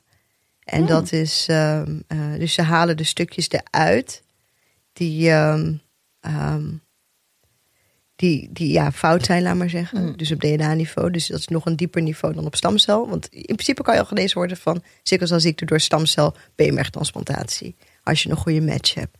Nou, CRISPR, dat is basically een beetje hetzelfde. Gebruiken ze ook voor ziekte als kanker. Daarin eh, bepaalde nou, knippen in het DNA. Daardoor mee reset je eh, een aantal zaken. In ieder geval ben je dan van die ziekte af. Maar is nog wel heel erg in de kinderschoenen. Ja, vriend van eh, mijn, mijn man is eh, ook arts en uh, of, hij is psychiater, maar mee, zeg maar, uh, hij is neurologisch psychiater. En een vriend van hem, ook een Nederlandse arts, die werkt hier in het uh, Sloan Kettering kankercentrum. Mm-hmm. En zijn afdeling is enorm bezig met, met CRISPR-technologie. En hier, dit ziekenhuis heeft, heeft, heeft ontzettend veel geld. En dit is ook eindelijk, zeg maar, hun manier om dan wat terug te doen voor de hè, zwarte gemeenschap in New York City. Ja. Dus die behandeling wordt hier uh, nu aangeboden aan mensen, aan iedereen. En zeg maar, hè, mensen hoeven, want je weet in Amerika is helemaal, moet je gewoon betalen voor alles. Als je niet Hm. fantastische verzekering hebt. En die wordt nu gewoon aangeboden, gelukkig. Dus dat Ja. is wel echt heel erg eh, ehm, eh, ja, bijzonder. Maar is natuurlijk ook eh, ja, angst, twijfel, weet je wel. Is, dit is een onderzoek waar dan voor de zoveelste keer zwarte mensen dan, hè, quote-unquote, voor kunnen worden gebruikt. Dus ook angst. Ja. Maar ze zijn er heel erg mee bezig. Dus dat, Ja. ik vond dat ontzettend hoopvol. Ja, nee, ik, ik geloof ook wel dat, eh, dat in ieder geval daar, die ontwikkeling, daar zit wel de meeste ehm, kans tot echt eh, ontwikkeling voor dit ziektebeeld. eh, of op gebied van genezing. Tegelijkertijd wil ik de medische wereld ook meer uitdagen om ook in de meanwhile te kijken. Want dingen als stamceltransplantatie, beenmertransplantatie, CRISPR zijn maar voor een heel klein gedeelte van society. Namelijk degene bij wie de ziekte zich op het ernst manifesteert. Want je kan, eigenlijk- kan eigenlijk altijd andere complicaties en andere ziekten krijgen. Hè? Dus met de stamceltransplantatie, de mensen die ik ken, ken, daar is het heel erg goed mee gegaan. Maar een risico is ook blindheid. Een risico is ook andere ziektes. Dat je lichaam het afstoot. En dat je allerlei afstotingsziektes krijgt. Nou, dus dus eh, ik juich het toe, maar tegelijkertijd denk ik ook: oké, maar je hebt mensen die met die ziekte gewoon moeten leven. Hoe maken we hun leven zo draaglijk mogelijk? En hoe kunnen we bepaalde dingen eh, eh, voorkomen in, in de ontwikkeling van dat ziektebeeld? Want wat ik al zei, er is bijna, zijn bijna geen eh medicatie dingetjes die je in de tussentijd kan gebruiken. Wat doet jouw stichting en- precies? Waar is jouw stichting nu mee bezig? We hebben ook een podcast, die gaat ook dit jaar online. Stuur Ja. het door. We gaan het gewoon even. ja, pushen. zeker, Ja. zeker. Ja, we hebben ook een, een podcast ehm, eh, die eigenlijk basically gaat over alles. Seksualiteit, eh, eh, ehm, werk, eh, school, al dat soort onderwerpen ondernemen. En sikkelcelziekte. Ik denk, het heeft heel veel impact als je... Nou ja, net als ik vroeger eh, bijna so- soms tien keer in een half jaar in een ziekenhuis lig. Of tien keer in twee maanden heb ik een keer gehad. Dat is insane. Dat maakt dat, je, uh, dat jouw leven er iets anders uitziet. En daar binnen accelereren, binnen jouw mogelijkheden. Daar geven we tools voor. Nou, dit podcast is er één. We beginnen um, eind van het jaar met een Sickle Entrepreneur programma. Dat is een programma voor tien jonge mensen met een creatieve droom. Die wij gaan begeleiden. En dat doen we met uh, allerlei mensen vanuit fashion, vanuit ondernemerschap, vanuit muziek, vanuit eigenlijk basically op de domeinen waar zij hun creatieve droom helpen, gaan wij hun helpen met het verder brengen daarvan. We hebben dit jaar een kinderboek uitgebracht. Oh. Lennox en de Gouden Sikkel. Samen met uh, Cincy Zevenberg, Brian Elstak, Hedy Chin en Lianne Tonk. Nou, dat boek gaat echt heel goed. Ik hoop dat er volgend jaar een theaterstuk van komt. Hoeveel, hoeveel exemplaren hebben jullie verkocht? Ik, ik heb het voorbij zien komen op uh, Instagram. Nou, we zitten nog wel in de eerste druk. De eerste druk was 2500 exemplaren. Ik denk wel dat we er nu al 2000 of dat zo is heel verkocht. goed. Ja. Wauw. Dat is heel goed. Ja. Ja. Ja, we hebben ook hele goede recensies ja. gehad in mainstream media. Ja. Ja. daarom, ja, ik zag het. Ik zag het voorbij komen. Mooi. Ja, dus dat is waar we een beetje mee bezig zijn. Uh, we werken 100% met vrijwilligers, dus we doen het. Uh, we doen het op ons, mm. uh, op ons tempo, op onze manier, maar ook daardoor op onze manier. Weet je, dus dingen als. Mm. Wij krijgen ons. Tipsaus. Ja, toch? Ja, we, we, we, voelen je. Ja. We voelen je. Maar we voelen dat, je heel erg. Het geeft heel veel ruimte. Het geeft heel veel ruimte. Weet je, mm. We zijn heel blij met partnerships die we vanuit onze eigen community hebben. We hebben een hele goede partnership met Patta. Uh, die doen elk jaar marathons voor ons. Daar halen ze geld mee op. Daar hebben we allerlei dingen kunnen we daar weer mee doen. Zoals dit kinderboek is tot stand gekomen mede doordat uh, Patta marathons voor ons had gerend. Nou, en zo man. Dus het gaat wel steeds, die awareness is er steeds meer in Nederland buiten de black community om. Ja. Merk je dat? Ja. Oké. Okay. Oh, wat gaaf. Dat is goed. Ja, ik denk dat je het nu zeker... Uh, ik hoop ook, ja, ik vind ook dat wij daar een bijdrage aan hebben geleverd. Dat oh, het gewoon meer zichtbaar is. 100 procent. En dan, no, dus dan werkt het niet arts, uh, maar dan werkt het wel sinds 2019 directeur van muziek matters. Ja. En ja, waar staat die organisatie voor? Hoe ben je daar? eh, ja, hoe ben je daar beland? Je doet ontzettend, ontzettend veel. Is muziek altijd al een belangrijk? Ja, ik denk wel voor ons allemaal wel aan deze tafel is muziek wel heel belangrijk voor ons geweest. Ja. Ja, ja, ja. Nou ja, ik, eh, ik werkte hiervoor in de consultancy bij een adviesbureau. En daar zat ik eh, op het sociaal domein, onderwijs, jeugd, veiligheid. En dat vond ik heel leuk. Heel leuk om bij gemeenteministeries dingen te doen. Maar toen zag ik deze factuur, dacht ik, hé, hey, muziek, ook kansengelijkheid. Hm. Rotterdam. Ah, daar, daar. En ehm, en volgens mij, ik kan dit. Dus heb ik gewoon gesolliciteerd. Mensen waren op de benen terechtgekomen. Hoe? hoe? Ja, gewoon een briefje geschreven. Zo glamorous. Ja, en Music is een organisatie die al een jaar 15 bestaat. En wat doen jullie eh, precies? ehm, nou, we ontwikkelen programma's die ehm, eh, kinderen introduceren aan muziek. We zijn bijvoorbeeld nu bezig met het ontwikkelen van een Rotterdamse muziekleerlijn. Wat voor ons betekent dat wij het basisonderwijs introduceren aan muziekstromen die voor ons Rotterdams zijn. Dus dat is eh, eh, Arabische muziek, dat is eh Kaapverdische muziek, Surinaamse muziek. Maar dat kan ook een genre als musical zijn. Dus dat in het basisonderwijs dat kinderen denken, hé, ik herken me hierin. In plaats Maar van ook- Bach of whatever. Ja, maar ook in de klassieke, meer traditionele. Het ki- kinderen op hun eigen tijdse manier introduceren aan een viool. Mm. En wat het allemaal kan. En dat het ook gewoon, hè, dat in de band van Ronnie Flex, dat daar ook gewoon instrumentalisten zitten die op jonge leeftijd, en noem maar Rendel Heij of wie, dan ook. Ehm, eh, dat. En nou ja, we, we bieden allerlei programma's aan om dat zo lang mogelijk, met zoveel mogelijk plezier te blijven doen. Dus dat wil zeggen dat we eh, eh, programma, nou ja, luistersessies met ENR's van labels. Dus laat je muziek luisteren, laat je muziek professioneel ehm, eh, becommentariëren. Eh, bootcamps waar we ingaan op het schrijven van muziek, maar ook de zakelijke kant van muziek. Muziek is toch best wel vrij complex, de publishing kant, überhaupt om er geld mee te gaan verdienen. Mm. Überhaupt om gewoon exposure te krijgen Ja, om exposure als, als te krijgen, artiest. dat. Dus daar, daar helpen we mee. Een inclusievere muziekwereld, maar ook gewoon, eh, nou ook voor vrouwen bijvoorbeeld. We hebben nu een programma in She, wat, wat, wij merken dat op heel veel, op een deel van ons programma's echt heel veel mannen afkomen. Dat is tof. Hm. Maar waar zijn de vrouwen? Ja, ja, ja. Dus, dus, en hoe kunnen we dan voor safe spaces voor vrouwen en meer, voor vrouwen eh, of non-binaire mensen gaan ontwikkelen? En dat, dat, soort, eh, dat soort programma, een heel tof programmateam, ben ik heel trots op, die allemaal eh, dat soort dingen bedenkt. Oh, ik had het zo graag gewild. Ik weet nog dat ik op Marktplaats had ik een Arabische luid gekocht. En dan, ging ik, en dan zou ik een, een hele beroemde luidspeler worden. En ik heb, de, ik, heb de, ik heb de luid nog steeds. En ik kan nog steeds één liedje erop spelen. Zie als ik in Rotterdam en dit wat was gewoon...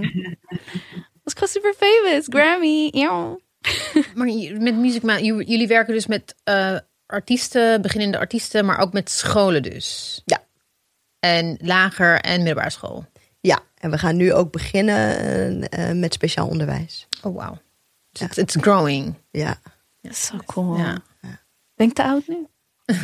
Nee, ik, ben eerlijk, ik ben eerlijk, ik speel viool en ik ben pas begonnen toen ik 30 plus was met viool spelen. Dus dat ik helemaal niet bij Music Matters hoor. Toen eh, deed ik nog ander werk, maar ik, het fascineerde me zo dat instrument. En ik denk, nou, ik ga gewoon kijken. Ik ga gewoon kijken of ik ergens les ga. En nu heb ik nog steeds les. Ik heb een Arabisch luid en Meganese. Zo, moet helemaal... Ik zie mezelf al net als Lizzo met een fluit zo Ja, ik- twerken. zie mezelf met zo'n Arabische luid. Hey. Maar Lizzo had me ook bijna in die fluit gekregen met die EK.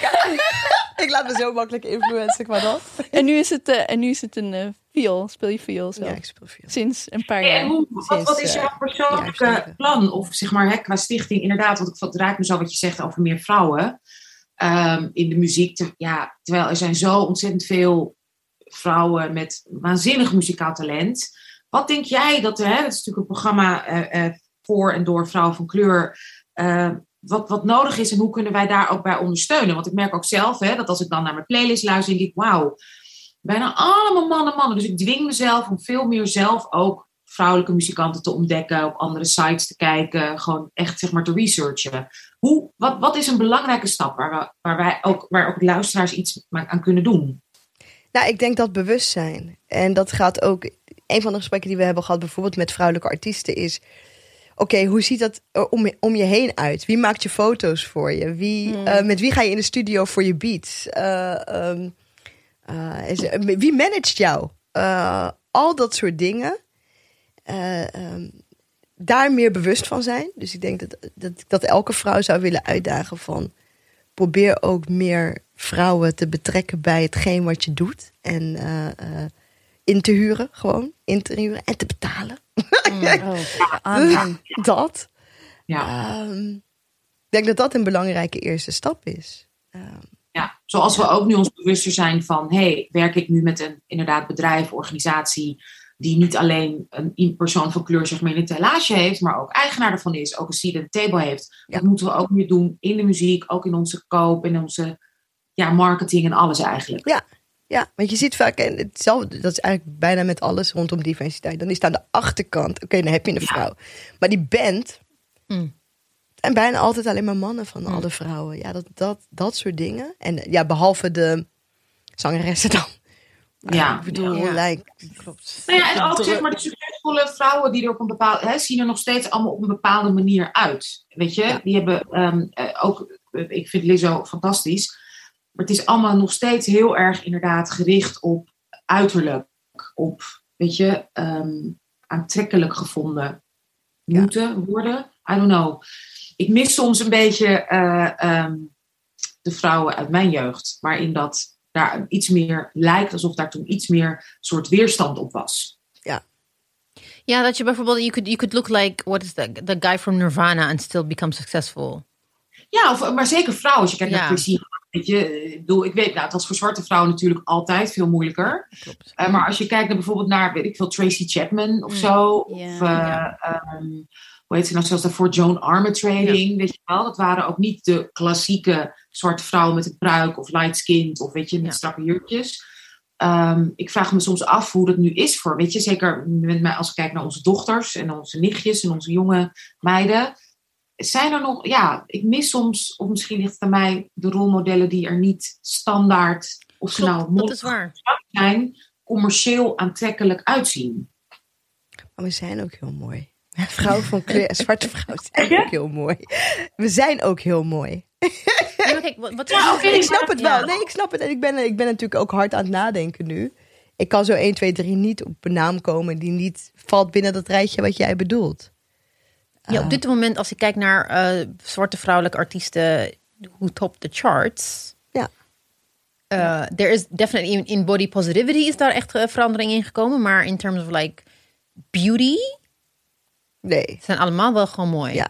Als je, echt, als je echt kijkt naar de, de billboards, dus echt wat Ja. er uit hè, van, VS komt, dan Ja. is het nu allemaal peervormig en eh, good lace, good Ja. make-up, good, lot of contouring. Ja. JT, Saweetie, ik vind ze allemaal superleuk, Ja. maar het, het, Het lijkt allemaal op wel, elkaar. het is wel, een, het is wel iets, eh, ben ik volledig met Anousha eens. Ik merk dat ook aan mezelf van, oh, oh, oh dit is de standaard, weet je. Het Ja. wordt je wel heel Ja, erg nee, gezegd zeker. van, eh, het is wel een beetje een BBL-tijdperk Mm. waarin we... eh, waarin we leven. En dan kan je nog, dan kan je nog zeggen van, oh, artiesten mogen eindelijk ehm, dikke billen hebben, snap je? Ja, maar dan wel op een bepaalde manier en met Op inderdaad geen buik. En weet ik, ja. Nou, kijk, Lizzo is een heel goed voorbeeld, denk ik. Maar wel ook heel gecommercialiseerd, hè, ook in haar uiterlijk. Ja. En ik weet niet, ja, ik vind het prachtig. Ik bedoel, als het een eigen keuze is, perfect. Maar ik vraag me af in hoeverre je eigen keus, je, je eigen keuze ook kan maken als vrouw. Echt. Ja, nee, zeker in de muziekindustrie. Dat is gewoon moeilijk. Dat is, Ja. Dit is gewoon echt heel... eh, het is op heel veel vlakken eh, eh, binnen de muziekindustrie nog heel problematisch. Überhaupt als je kijkt naar de top. Mm. zijn toch overal allemaal witte mannen. Mm. eh, aan de top van de labels. En nou ja, dat kun je zo doortrekken. Eh, dat kun je ook doortrekken naar degene met wie je in de studio zit. En al dat dus... eh, en wanneer je opvalt, wanneer, hoe word je opgepakt? Dat gaat toch ook echt vaak over uiterlijk. En dat Mm. gaat toch ook van hoe verkoopbaar je bent. Ja. En in de in, in, in- en sorry, je gaat dit knippen. Eh, en ik neem aan, in Nederland zijn we nog natuurlijk gewoon heel ver achter. Want welk, hoe is like a black famous Dutch Let me keep quiet. singer slash rapper? Dit moment. female. Ja. Ja. Ja, Wie? let Ze zijn er niet. Let me keep quiet. It's Dat vind, ja, ik, echt, dat vind ik echt wel gewoon een probleem. Our, Ja. our, our black queen is Ja de Lauren. Ja, en niet alleen dat, maar ook, ik vind ook wel, eh, also within the activist community, wanneer er events zijn, wie wordt, er worden allemaal mannen uitgenodigd. Het zijn allemaal mannen die yo yo yo roepen. Ze zijn allemaal, I'm, I'm glad they're down with the cause. Maar het wordt wel, de mannen worden uitgenodigd. De mannen krijgen platform. De mannen krijgen de Maar shine. sowieso is dat binnen activisme. Ja. Dat is Ja, heel erg binnen klopt. activisme. Ja, Breek me de mond niet open. ehm, ja. En ik, en ik heb daar veel, vaak ook over met Damani Leidsman. Hé, hey, Damani heb ik het weer over, ja. Is er ook een, een, een artiest who is black, gay, local, not skinny. Nee. Snap je? Ehm, ehm, en dat is wel iets waar ik weet van. Ja, je moet er ook als. Hè, ik ga nu niet zeggen van uh, mannen hebben het ook zwaar. Maar dat is ook. De yo-yo-yo. De yo-yo-yo's. Zien er, ook, zien er ook op een bepaalde manier uit. Anders ben je niet die toffe, eh, eh, toffe artiest. En ik vind dat al helemaal in, in Nederland. En, hoe, eh, en ik zeg ook heel vaak tegen de mania. In, in Nederland zijn ze nog niet klaar voor Frank Ocean genre-achtig. En dat is wat muziek die hij maakt. Hij wil zelf muziek maken, niet in een hoekje worden gestopt. Um, en hij heeft wel een hele mooie, ik ga meteen pushen, hij heeft een hele mooie um, uh, single uitgebracht, Venus. En daar hoor je ook dat je gewoon hoort van Damani gaat gewoon zijn eigen muziek maken, dat dicht ja. bij hem staat. Ja. En ja, en um, keep, it, and keep it going. Ja. Keep it going. Maar ik ben hoopvol voor nieuwe generatie hoor. Ik vind um, ja, wat, wat, artiesten wat als Rimon, artiesten als Safa Liron. Ik, ik, het lijkt, alsof, het lijkt alsof ik een rijmpje aan het doen nee, ben. Nee, nee, maar, maar, maar, maar Rimon vind ik heel tof. Ik vind Safa Liron heel goed. Um, en heel erg authentiek haar eigen verhaal en, en haar eigen uh, ding blijven doen. En zo, zo denk ik dat er nog, uh, nog veel meer upcoming uh, artists zijn waarvan ik denk van nou het is heel moeilijk om door te dringen binnen die charge. Want die charge ja. is bijna een formule, toch? Het ja. is een bepaalde. Het klinkt allemaal een beetje hetzelfde. Het wordt allemaal. Het is een beetje hetzelfde, hetzelfde type uh, beat, een beetje hetzelfde type boodschap, of als je het boodschap mag noemen. um, is dat een het is, het is een, het is een formule. Het is een formule. Wat, wat, wat nou ja, maakt dat je, dat je in de, dat je in de, in de playlist komt. Wat zei je? met keiharde serieuze gatekeeping. Want probeer ja. maar je nummer op de radio überhaupt te krijgen. En dat ja. wordt letterlijk door 10, 15 mensen bepaald. Ja. Ja, en dan vind ik de, de, de radio, hè, wie luistert dat nog? Dus dat is, uh, ja, dat is wel een beetje klaar nu, denk ik. Maar de, de playlists van bijvoorbeeld de Spotify, mm -hmm. uh, um, maar, maar ook om bij, op YouTube er bovenuit te steken. Dat is ook een hele uh, ja, volgens mij, problematische... Ik, uh, ik vind het zo interessant, want we denken vaak van de radio speelt in die zin geen rol meer. Maar het, het, werkt allemaal met elkaar samen. Want je hoort gewoon inderdaad, de playlist kan dan ook weer op de radio of op de radio. Het is nog steeds, en inderdaad de zichtbaarheid wordt, lijkt wel nog steeds door dezelfde formule, maar ook dezelfde mensen bepaald. Ja, zeker. Zeker, maar, maar ook al kan je, ik vind de radio in die zin niet om het weer woord problematisch te gebruiken, maar ik gebruik het toch weer. Uh, uh, ik, vind, ik vind de radio dan nog, nog wel erg, hè? want dan kan je ja. bijvoorbeeld, je, je kan de meest gestreamde artiest zijn, noem me Frenna. Uh, in alle charts gewoon echt, ja. dat je in alle playlists staan en dat je inderdaad de meest gestreamde artiest bent. en gewoon geen enkele airplay krijgen op de radio. Nee, airplay, ja. Dus... ehm, Bizar. Maar wat ik bedoelde met dat Spotify-verhaal is dat dat, dat is een soort loop wat, wat, zelf, wat, wat zichzelf ook in, in stand houdt. Um, en wat heel erg van de tijd van nu is, de media van nu, waar je ook heel moeilijk tussenkomt als beginnend ja. artiest. Want je, je wordt op, je, die, die playlists die worden gemaakt, er zitten mensen achter. Nou, die mensen, daar word je wel of niet door gezien. Het is in ieder geval heel moeilijk om daar contact mee te krijgen. Vervolgens, dus daar staan weer de populaire mensen op. Mm-hmm. Je kunt niet daarop komen. Vervolgens word je dus ook niet meer gedraaid omdat je niet op bepaalde plays staat. Het maakt heel veel uit voor um, artiesten of ze bij een release, ook voor succesvolle artiesten, wel of niet op bepaalde playlists staan. Ja, ja. Hè? Want die worden in de winkels gewoon. Je hebt, je hebt van die. Uh, nou, uh, nee, ik, ik hoef geen, geen naam te doen, maar je hebt van die lijsten die zo frequent, zo, zoveel luisteraars hebben, volgers, maar die ook de hele dag non-stop in wat ik al zei, in winkels en restaurants gedraaid worden. Ja, dat is. Uh... Ja, en daarom, en de ding is, ik denk wel dat de, de, de labels achter de grote namen wel uh, makkelijk in contact kunnen komen met mensen die je playlists in iTunes of Spotify maken. Makkelijker, ja. Dat zeker, is het. zeker. Dus het blijft gewoon als in die gatekeeping blijft gewoon nog steeds uh. Bestaan. Ja. Ja, ik weet, Damani die vroeg ook of ik de single, dan moet je liken, downloaden en in allemaal verschillende playlists. Dus ik heb hem ook in de playlist gezet. Bijvoorbeeld een van onze meest beluisterde playlists van Dipsaus, daar zit hij nu gewoon tussen. Terwijl het, het was onze all-female Mm. list. Mm. Nou, daar staat nu Damani tussen. Nou. Je gaat we zijn eruit. er eigenlijk nog niet. Nee. Een beetje een de- depressing story. Het is een beetje een depressive story. Hetzelfde geldt ook voor ons en voor podcast, laten we wel wezen. Ja. Ja. Dus- wij- wij- hè? Maar goed, ehm, we zijn super blij dat je zo open met ons bent geweest. Mijn laatste vraag eigenlijk, voordat we naar, eh, een- naar onze, een ander segment gaan, de DDD's, wilde ik nog vragen, oké, what's next for you? En met name, want we weten, je, bent, je werkt als een malle, je doet fantastische dingen, maar voor jou persoonlijk, weet je, jouw, jouw, jouw self-care, jouw hè, liefde voor jezelf, je persoonlijk leven. Wat, wat, wat zijn voor jou sinds 2015 dat je hebt gezegd, oké, ik ben, weet je, ik ga door en dit gebeurt niet meer. En je stichting, wat is voor jou persoonlijk de volgende stap? De volgende stap. Ehm, lekker baby's maken met mijn man. Oh, ik val flauw zo mooi. Ja, dat denk ik. Ehm, ja, ik zie me nog wel, nog wel een poosje in de culturele sector blijven. Maar ik zie me daar ook wel weer een groeistap maken. Dus ik weet niet precies wat. Ehm, ja, dat denk ik. En eh, ik hoop met sikkelcelziekte nog gewoon meer impact te kunnen maken. eh, met, die, met die stichting. Maar het eerlijk gezegd op een gegeven moment ook kunnen overdragen aan de volgende generatie. Dus ik hoop ook dat de jonge, jonge mensen waarmee we nu werken, voor wie we nu platform creëren, of met wie we nu platform creëren, dat zij op een gegeven moment ook zeggen: Oké, we'll take it from here. Thank you for all you've done. Ja. Ik heb één, voordat we naar de DDD's gaan, heb ik wel één vraag. We willen al heel lang winnen in de uitzending. kan je iets regelen? ja, nee, ik zei inderdaad, eh, ik, ik, had, ik zei gisteren in het voorgesprek van, eh, mail me man, shoot me een e-mail. Oké. Ja, waarschijnlijk had hij het niet gezien. Eh, het was in Hm. september hebben jullie hem benaderd. Toen had hij ook zijn gym geopend. Misschien Hm. dat het daardoor kwam. Maar hij eh, wil vast wel langskomen. Ja, want we hebben, eh, het was I think three, four years ago, Zaire Krieger heeft hem geïnterviewd voor ons. Hè. Ze, een van de meest interessante interviews van een rapper in Nederland, een zwarte rapper in Nederland, is gewoon, zit gewoon op de dipsaus. Het is echt heel, heel, heel goed.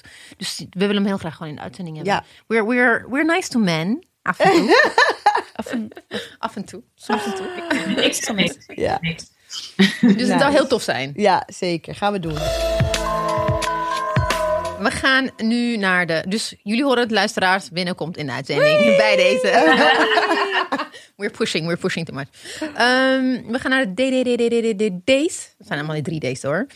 Eh, de, weet je wat de drie D's zijn? Of moet ik het uitleggen? Ik ben ze heel even vergeten. Maar Oké, dat komt straks weer. Eh, we gaan altijd aan onze gasten vragen. eh, je, je, je krijgt drie namen. Oh ja. Ja, je krijgt drie namen voorgeschoteld. En dan moet je kiezen wat je met wie gaat doen. Ja. Ga je dansen, drinken of dipsausen? Een dipsaus, je weet wat dipsausen is, of moet ik dat uitleggen? Ja, dat je wil, wil praten en zo met iemand. Continu. eh, die- ja. WhatsApp-gesprekken, bellen, voice notes. ja, heel eh, veel contact video's, er. Daar ja. wil je heel veel contact mee. Ja, dat je s'nachts ook gewoon voice notes stuurt en s ochtends word je wakker en oké, interesting. Dus dat. dat. Dat je bijvoorbeeld, je, omdat je zo in gesprek bent dat je je, je, je halte mist en dan je end up in, I don't know, Antwer- Antwerpen of zo. Het is ook wel bij mij een keer gebeurd dat ik dacht van, wow, oké, ik had hier moeten uitstappen. Anyway, dus je krijgt nu drie namen. Ik hoop dat ik ze ken. Jawel, eh, ja, zelfs ik ken ze, dus oma vertelt. Ehm, eerste is Ellen Pompeo. Mhm. Ze speelt Meredith Grey in Grey's Anatomy. Eh, Ronnie Flex. Mhm. En Hugo de Jonge. Oh, vreselijk die derde. en wat moest ik ook weer doen? Dansen, drinken, dipsausen. Ja. En we willen ook weten waarom. Ja. Dus waarom kies je voor wat? Ja, je moet het heel goed onderbouwen. Ja, ja, goh. Ehm, drinken, dat doe ik eh, met eh, Hugo.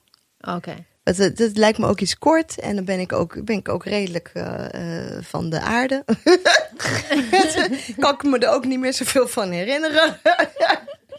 dus daar, eh, dat, dat drink ik zo weg. Neus dicht. en we hebben hem erop zitten. Dansen ga ik definitely met Ronnie doen. Ja, oké. Ja, man. En dan vraag ik of hij die band van hem mee wil nemen. The Experience. Hey. Ehm, ja, man. Wa- waarom zou ik dat graag willen? Ik vind Ronnie... ehm, ik vind zijn muziek eh, eh, tof. Eh, en is altijd in de fase waarin hij gewoon is. En zo krijg je hem. En net als nu met dit laatste album wat hij nu heeft uitgebracht. Dat is gewoon... Hè, hij is nu vader. En, Twee kindjes, dus- toch? Ja, twee. Hij is heel eerlijk daarover. Over hoe hij zich voelt. En het is ook gewoon lekker vrolijk. Ehm ik kom net als ik... eh, want ik ben ook voor een deel heb ik in Capelle gewoond. Hij ook. Dus... ehm, dus dat doe ik met Ronnie. En dan vraag ik of hij zijn hele band meeneemt. You can't not like him. No. Nee. It's just like he's your boy next door. Ja. Ja. Ja. Hij volgt mij op Twitter. Vond ik heel grappig. Want toen begon net Dipsaus. En toen zei hij, ja, ik kom ooit. Ik heb Maar- een screenshot daarvan. Waarom, waarom komt hij dan niet? Maybe Kan- he's busy. Oké, wacht even. Maybe he's a Kan- busy man. Nee, Ronnie niet, man. We tried, we tried. Dan blijft één ding over. En dan blijft Ellen dus over. Om mee te dipsausen. Ja, weet je. Het is eerder dat die anderen in andere categorieën zijn. maar ik, ik ga ervan uit ehm, ehm, dat. eh, hoe heet haar zusje nou ook alweer in die, af, in die, in die serie? Lucy. Haar, haar, haar half ja, die- Maggie. dat- nee, Maggie. haar, Ik ga er dus van uit dat zij chillt. Zij, zij lijkt me redelijk tijd met Jesse Williams. Ze lijkt me redelijk tijd met, eh, Maggie. met Maggie, actrice. met die actrice. Dus I'm sure dat als ik met haar de hele dag aan het dipsausen ben, dat ik hun erbij krijg. En ook dan is Dr. Bailey, Richard Webber. Snap je? Dus, dus dat is... Dat Het is een ingang. Dus daar doe het is een ingang. Dus maar eigenlijk, het is... ja, dus eigenlijk ben je met Meredith Grey aan het dipsausen, niet met Ellen Pompeo. Ja, weet Mag- je, ik ben een beetje moe van... ehm, Nou, niet allies. Niet allies. Maar ik ben wel een beetje moe van... ehm, Het is niet per se iets waar ik voor zou kiezen in mijn leven. Ehm, ehm, denk dat het goed is dat ze uitgesproken is. En dat moet ze doen op de plekken. Want ze heeft een positie, ze heeft een bepaald privilege. Komt op ding- plekken waar ik in ieder geval niet kom. Maar dat moet ze daar doen dan. ik zie niet De welwillende witte vrouw. Dat, dat. Ja, ik, ik- het enige wat ik wel... Ja, het, niet het enige. Wat, wat positief is, is wel dat ze... I mean, she started out pretty unknown. Ja, ja. Iemand onbekend die dan zo lang... en een van de meest bekeken soap... Is eigenlijk gewoon een soapseries. And to have like that kind of creative control is wel... Oké, het is een vrouw at the end of the day. Dus daar heb ik wel enigszins een beetje respect voor. I don't know, I don't trust white women. Nee, maar purely in terms of niet niet in in relation to ally- ally- allyship or anything. Just just as a black as a woman in een in industry dat je dan zo ver kan groeien dat je dan een soort van creative control hebt, vind ik wel wel netjes gedaan. Maar wat ze hierna doet, wat wat kan je hierna doen? Nee, maar dat weet ze ook. Daarom verdient ze ook zoveel geld. En daarom stopt ze ook niet. Ja, daarom Precies. Klaar inderdaad. Ja. Pretty had a good one. Nou, Chantel, ontzettend bedankt voor je openheid, voor je eerlijkheid, voor je inspiratie. Ehm, we kunnen niet wachten om te zien wat je allemaal verder gaat doen en nog meer gaat doen. En eh, je komt, komt terug, gezellig samen met winnen. Hartstikke fijn. Eh, nou, Winnen rijdt zelf voor. Heel erg bedanken voor dit mooie gesprek. Eh, lieve luisteraars, we willen ook natuurlijk Dag en Nacht Media bedanken. Fijn om weer in de studio te zijn. Helaas zit ik hier, maar fijn om jullie te zien. Eh, we willen natuurlijk Revue heel erg bedanken. Eh, die faciliteren onze nieuwsbrief. Laat alsjeblieft recensie. Hè. We hebben het net gehad inderdaad over algoritmes en wie bepaalt wat. En voor onze podcast, om nog meer luisteraars veel meer zichtbaar te krijgen, is het ontzettend belangrijk dat we vijf sterren krijgen, met name op iTunes. En het is ook fijn als je het werkt toch ook beter als je er ook iets bij zet, heb ik begrepen qua algoritmes. Dus als je niet weet wat je moet opschrijven, schrijf dan gewoon vooral zo doorgaan, bitches. Zijn we hard- Luister ook alsjeblieft naar onze prachtige podcast in samenwerking met de VPRO, de Goede Migrant podcast, van begin tot einde, als we het hebben over vrouwen van kleur, gemaakt door vrouwen van kleur. De hele show, prachtige laatste aflevering nu, met onze eigen, onze eigen Marjam en haar eigen prachtige, geweldige moeder. En laat daar ook alsjeblieft een recensie achter met inderdaad, waar blijft seizoen 2 bijvoorbeeld, om iets te noemen. Heel erg bedankt dat jullie allemaal zijn. We willen ook onze productiecoördinator Joyce ontzettend bedanken. Nog meer Rotterdam in de house. En oké, nu met z'n allen. En wie zijn in het Nederlands? Doei! Alrighty. Nou, Superleuk. ja. Dankjewel. Thank you.